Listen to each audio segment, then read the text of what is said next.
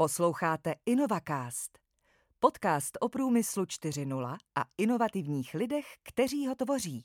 Dámy a pánové, dobrý den, já se jmenuji Aleš Vlk a vítám vás při sledování a poslechl dalšího dílu našeho InnovaCastu. A dnešním milým hostem je Libor Přeoučil. Libore, dobrý den. Dobrý den. A já na vás prozradím na začátku, že se věnujete inteligentní a mobilní robotice a že jste spjatý s Českým vysokým učením technickým, a to konkrétně s Čirkem, nebo Cirkem, podle toho, jak to říkáte? Cirkem snad raději. Cirkem raději, co je Český institut informatiky, robotiky a kybernetiky. No, Jestli jsem to řekl přesně, správně. Přesně tak, přesně tak. Tak to jsem rád, protože občas mi ty zkratky dělají problém. A předtím, než se dostaneme přímo k té vaší oblasti, to znamená inteligentní robotika, já bych se chtěl zeptat, uh, uh, vy jste Váš celý život je pravděpodobně spojen s technikou, jak jsem se díval na váš životopis. To tak, ano. Neměl jste někdy občas takové tendence říct, sakra, já jsem mohl studovat psychologii, já jsem mohl dělat medicínu, nebo je to, co jste si vybral a nelitujete toho? Um, nelituju toho. Mohl jsem samozřejmě, tu volbu jsem měl. Mohl jsem si vybrat něco jiného, ale nakonec padla, padla volba na, na technické obory, protože je to si způsobem oklopené tajemném. Pak jsem posléze přišel na to, že to vyžaduje znalost matematiky, aby člověk dokázal spoustu věcí pochopit a pak už prostě ne, je to kolej, z které není možné vystoupit následně.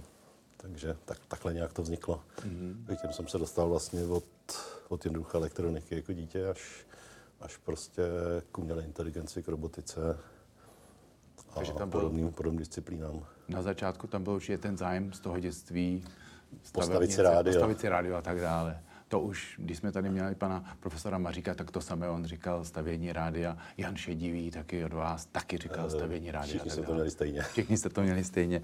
Eh, máte za sebou taky nějaké zahraniční zkušenosti? Eh, jsem koukal Německo, Francie, Spojené státy.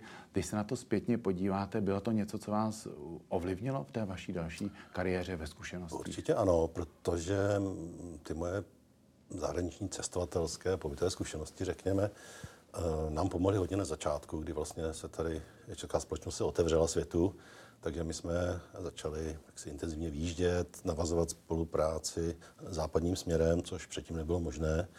A takže vlastně jsme viděli, viděli jsme, jak se, tom, jak se věda dělá, výzkum dělá, jak se dělá vývoj.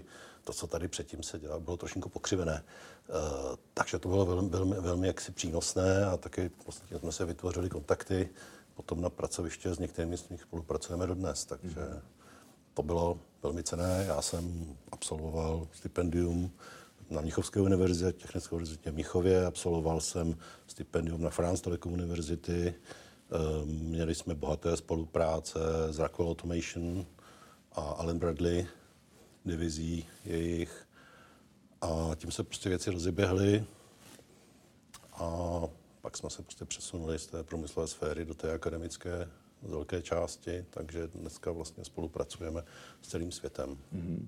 Když srovnáte úroveň, třeba když řeknu výzkumnou, nebo třeba například eh, řekneme předpokladů a těch lidí, kteří pracují v tom daném oboru na západě, ve Spojených státech, můžeme se dneska s těmi zeměmi srovnávat, jako třeba Česká republika? Domnívám, že je to srovnatelné co do znalostí, schopností, kvality výzkumníků, vývojářů, jsme na tom jsme nadprůměrní, se domnívám. Trošinku stále pokulháváme jaksi v prostředí a podmínkách, protože jedna velká bolest základního vlastně aplikovaného výzkumu je ta, že je financování. Jak to tak bývá, ty záležitosti vlastně se financují z nějakých grantů, buď průmyslových nebo grantů základního výzkumu a je tam, je tam poměrně velký problém návaznosti. Takže poté, co člověk získá financování nějaký druh vývoje nebo výzkumu, eh, provozuje ho několik let, tři roky, čtyři roky, pět let, a pak se mu nepodaří získat pokračování. A třeba ne proto, že to nebylo dostatečně kvalitní, ale prostě proto, že se nestačily prostředky, tak se celý tým rozpadne a vlastně ta práce investovaná ten se ztrácí, jo, což je veliká škoda. Já bych řekl, že to je problém vlastně celého toho prostředí České republiky. To je téměř. problém celého světa, ale v České republice je to tak nějak mám pocit silnější. Mm-hmm. Mm-hmm. Já se ještě zeptám na jednu věc, která souvisí vlastně s vaší vědeckou a akademickou působností. Máte ještě čas na učení? No, mám i nemám. Eh, my učíme po elektrotechnickou fakultu mm-hmm. ČVUT eh, z velké části, že tam tuď vlastně většina jak jednak já, jednak většina výzkumníků pocházíme. A je to pro nás nezbytnost, protože jsme v kontaktu se studenty, my ty studenty jak si přitahujeme k naší práci, dáváme jim možnost nahlédnout do toho, jak se dělá opravdový průmyslový vývoj nebo základní výzkum o typy těch činností provozujeme. A oni jsou nám za to, za to rádi, jak si, že si dokážou sahnout na, na tu skutečnost, což vlastně na té fakultě, tam se to děje samozřejmě také, ale někdy ty, ty možnosti jsou omezené. Takže studenti za námi často sami přicházejí, mi říkají, tam děláte zajímavé věci, my bychom se chtěli podílet.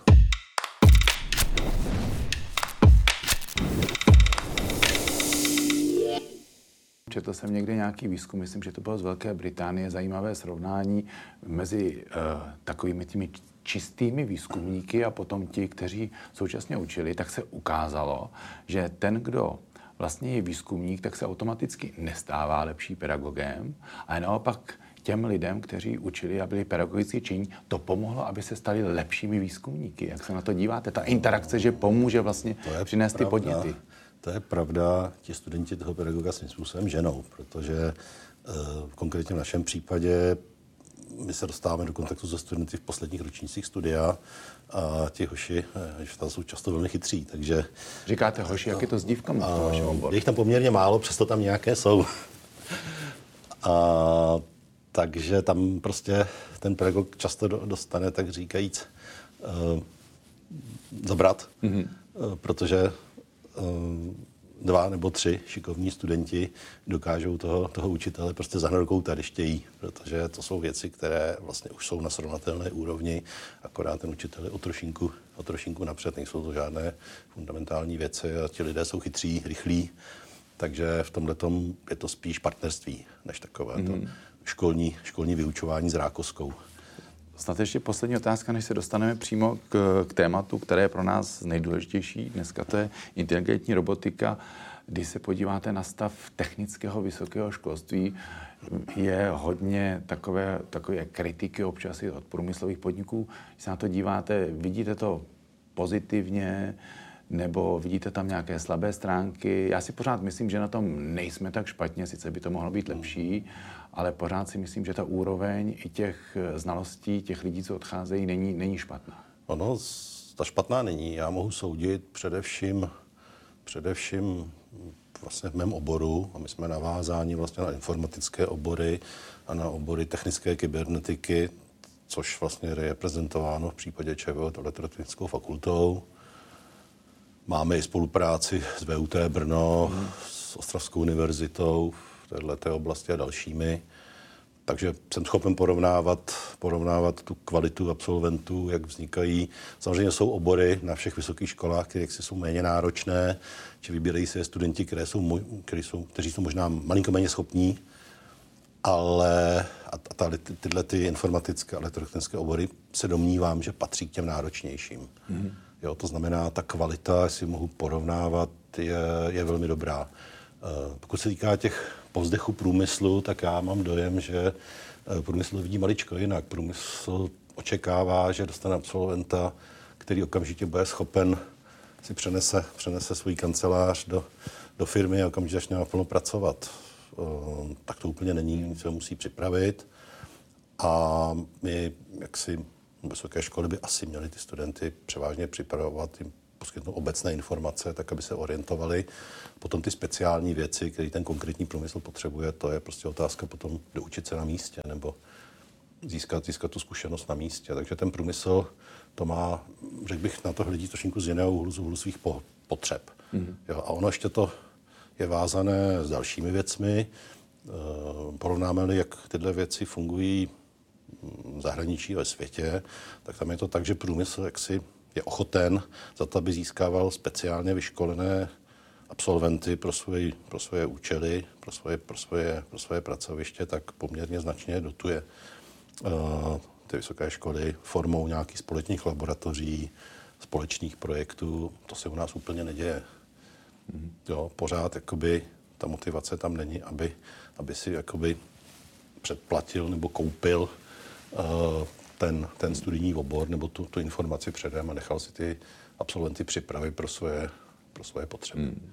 To je u nás poměrně slabé, tenhle, tenhle typ spolupráce slabé to začíná to nicméně vidíme vlaštovky, tak uvidíme, snad se to všechno bude posouvat tím, tím správným Ono se to posouvá, ono se to posouvá, tohle to podporuje třeba Technologická agentura České republiky, která je právě k tomuhle určená, eh, kdy se snaží jaksi párovat výzkumné laboratoře, univerzity, eh, výzkumné ústavy a průmysl, a dotuje to vlastně z veřejných peněz, tuhle tu spolupráci, ale moje vnímání věci je takové, že ten průmysl stále na to nahlíží, takže je to způsob, jak získat peníze pro vlastní potřebu mm-hmm. z technologické agentury. Je tam, je tam taková poměrně, jak si vnímám to já osobně, že je tam slabá, slabý tlak na to, mm. aby ten průmysl tam vkládal své vlastní peníze. Rozumím, ale pořád máme potenciál ke zlepšení, když bychom to takhle, když bychom to takhle mohli nazvat. Ano, ano, je to tak, je to tak. tak. Uh, pojďme se podívat eh, na to téma, které je nesmírně zajímavé v současné době, a to je inteligentní robotika, kdybyste mohl posluchačům i mě vlastně vysvětlit uh, zaprvé, co je podstata té robotiky, když se řekne robot, já si dneska představím kuchyňského robota, po případně nějaké ty roboty uh, s nějakými uh, ve fabrice, které nám něco hýbají. Je to správná představa, nebo už jsem někde jinde? Uh, ta představa kuchyňský robot asi nebude. Ten průmyslový manipulátor, který drží nějakou svářecí pistoli, brusku, uh, nevím co ještě, nítovací kleště, tak to je, to je představa, kterou má asi každý. Když vidí prostě manipulátory, kteří montují karosérie aut nebo vkládají pohné jednotky do aut v průmyslové výrobě, to známe všichni. Roboty také, ale vaše autonomní auto nebo auto, které má autonomní vlastnosti, dokáže samo zaparkovat, eh, dokáže dojet do nějakého místa samostatně. Eh, robot je vaše robotická sekačka, eh, která udržuje zahradu, vysavač, ale robot je taky logistický vozík, který, který nemá, nemá řidiče. Jo, to znamená, vlastně roboty jsou, když to velmi schrnu, tak takové dvě základní třídy. Jsou to ty manipulační paže, jsou to vozíky, čili mobilní roboty, a samozřejmě i třeba drona užívaná k inspekci eh, výrobní technologie nebo dohledu nějakých bezpečnostních služeb třeba, tak to je taky robot. Po případě autonomní letadlo, a to jsou záležitosti, které v dnešní době spatří spíš do vojenství, než, než, než prostě do průmyslových aplikací.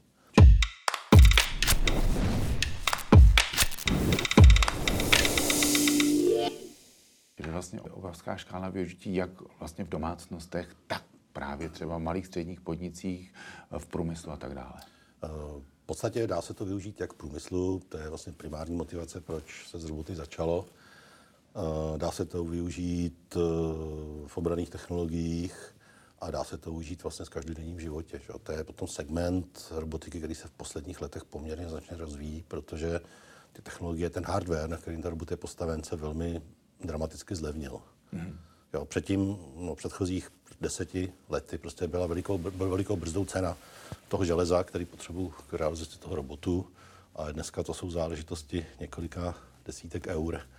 Postavit eh, domácí vysavač, postavit nějaký, nějaký asistenční robot. Eh, takže prostě vznikají řešení, která už jsou na trhu komerční, všichni známe Všichni známe eh, domácí, domácí počišťovací roboty, jsou dlouho na trhu, neustále se vylepšují, ale taky už existují roboty, které za vámi vozí nákupní tašku mm-hmm. v nákupním centru nebo vás zavádějí prostě k příslušné části skladu, eh, pomáhají odvážet prostě výrobky, čili jsou to jednak roboty, které jsou autonomní a jsou to roboty, které vlastně dokáží i kolaborovat a kooperovat v lidsky orientovaném prostředí, to znamená mm. prostředí mezi lidmi, že krásná veřejná aplikace nebo je třeba servisní robot nebo nějaký bezpečnostní robot eh, v nákupním středisku, který dohlíží, jestli někdo něco někde nekrade, eh, pomáhá prostě stěhovat těžké, těžké objekty, Eh, rozváží nějaký materiál, či taková ta, ta logistická aplikace a tak dále. Takže tam už se vlastně dostáváme opravdu k té inteligentní robotice. Tam už mě přichází ten, ten přídavek toho inteligentního, nebo to jsme ještě pořád uh, to už jsme, to už jsme, to už jsme v hluboko, hluboko v kognitivní robotice. Uh, protože klasická robotika, jak byla vnímána, Eh, před mnoha lety a do dneška velký, velká část průmyslu takto pracuje. Jsou roboty, které jsou deterministické, chovají se deterministicky, to znamená, pracují podle pevného programu nejsou schopny se příliš přizpůsobovat, vůbec přizpůsobovat nebo minimálně přizpůsobovat měnícím se pracovním podmínkám a tím jsou jednoduché, spolehlivé. To byl hlavní důvod, proč se to takto, takto činilo počátcích, kdy průmyslová výroba hlavně dbá na to, aby, byla, aby to, to řešení bylo spolehlivé, aby se jim nezastavoval výrobní proces díky nějakým poruchám. E, to má tu nevýhodu, že takový robot musí být v přesně definovaném prostředí, e, všechny součástky, s kterými třeba pracuje, se mu musí správně přistrkovat, abych tak řekl, být na definovaných pozicích, že vyžadujete spoustu instalací a není to flexibilní. Když to potřebujete změnit, tak je to velmi obtížné, nákladné. Když to ty roboty, kterým říkáme kognitivní, jsou schopni vnímat prostředí, pracovat s ním, e, pochopit, v jaký, jakém prostředí se pohybují a přizpůsobovat své chování dynamicky potřebám řešení té úlohy, kterou mají zadanou. To znamená, to jsou ty takzvané inteligentní roboty, nebo jak je populární slovo umělá inteligence, hmm Eh, tak to je to vlastně, to je ten jejich mozek, ten software, no, metody umělé inteligence, které se používají na to, aby měl vlast, tyto vlastnosti robot. A všechny roboty, které se autonomně navigují, mají tuto vlastnost. Všechny roboty, které jsou schopny pracovat v neurčitém prostředí, které se mění, to znamená vždycky například roboty v přítomnosti lidí, že to je veliká proměna člověk, eh, tak ty prostě musí být vybaveny těmito, těmito vlastnosti kognice. Mm-hmm. K tomu ten robot musí mít příslušné senzory, v dnešní době typicky kameru nebo kamerové páry, které umožní rekonstruovat hloubku scény, eh, laserové dálkoměry, které zajišťují bezpečnost pro případ nějakých kolizí a různé další senzory. Používají se ultrazvukové senzory k měření vzdálenosti, používají se různé, různé mikrovlné mikrovlné senzory k měření vzdáleností, pohybů, rychlostí a tak podobně. Když mě napadá teď třeba z hlediska velikosti, mm. jak si můžeme představit nejmenší inteligentní robot a naopak, kdy můžeme mít toho největšího? Eh, ten rozměr s tím příliš nesouvisí. Eh, ta inteligence vlastně tkví ve vlastnostech softwaru, mm. který, který běží na tom řídící jednotce toho robotu. Uh, takže vlastně musí tam být počítač a v případech těchto ten počítač musí být poměrně výkonný stále, protože ty úlohy umělé inteligence bývají výpočetně náročné. Je tam velká třída úloh, které jsou nespočítatelné v konečném počtu kroků na konečném čase. Takže my třeba hledáme, my třeba hledáme řešení, která jsou přibližná, alespoň přibližná. Ten počítač dokáže v rozumné době spočítat daleko lepší řešení, než by třeba odhadl člověk, zkušený člověk, ale přesto ta úloha není řešitelná. Takže jsou to případy třeba plánování a rozvrhování činností robotů, jejich kooperace, kolaborace, to jsou velmi složité, výpočetně složité úlohy, eh, nebo jsou to úlohy, mnohé úlohy zpracování obrazu, kde je velké množství dát, rychlé změny scény, eh, to je to první, první tak co mě, co mě napadá. A nebo jsou to vlastně všechny úlohy, které, mnoha, no, velká část úloh, která eh, k řešení toho problému využívá neuronových sítí, kdy prostě ten výpočet může být eh, velmi intenzivní. Mm-hmm. Takže tam je vlastně to dáno, ani bych nehovořil o rozměru, spíš jako o výpočetním výkonu, který je k dispozici, který samozřejmě nějaký prostor potřebuje, ale spíše bych hovořil o energii protože ten výpočetní výkon uh, svým způsobem přímo souvisí s potřebou energie napájet ten, ten počítač. Čím je rychlejší, čím je výkonnější, tím má větší spotřebu energie a není, není, není jaksi tajemstvím, že uh, ta spotřeba může být v řádu desítek, stovek až tisíců vatů. Jo, mm-hmm. což není, není příliš, mal, příliš malý výkon na to, abych to, ten robot dokázal napájet třeba z baterií nebo z nějakého zdroje. Libore, musím se přiznat, že 20 minut je za námi. Je to, utíká to neskutečným čas způsobem, letí. čas letí. A já vám děkuji za tohle první návštěvu, je to první díl našeho podcastu a my se v té druhé části uh, odpíchneme a půjdeme do konkrétních věcí, které se týkají i inteligentní robotiky. Takže já vám děkuji moc krát za ten dnešní podcast a těším se na příště. Děkuji za pozvání a těším se na pokračování. A shledanou.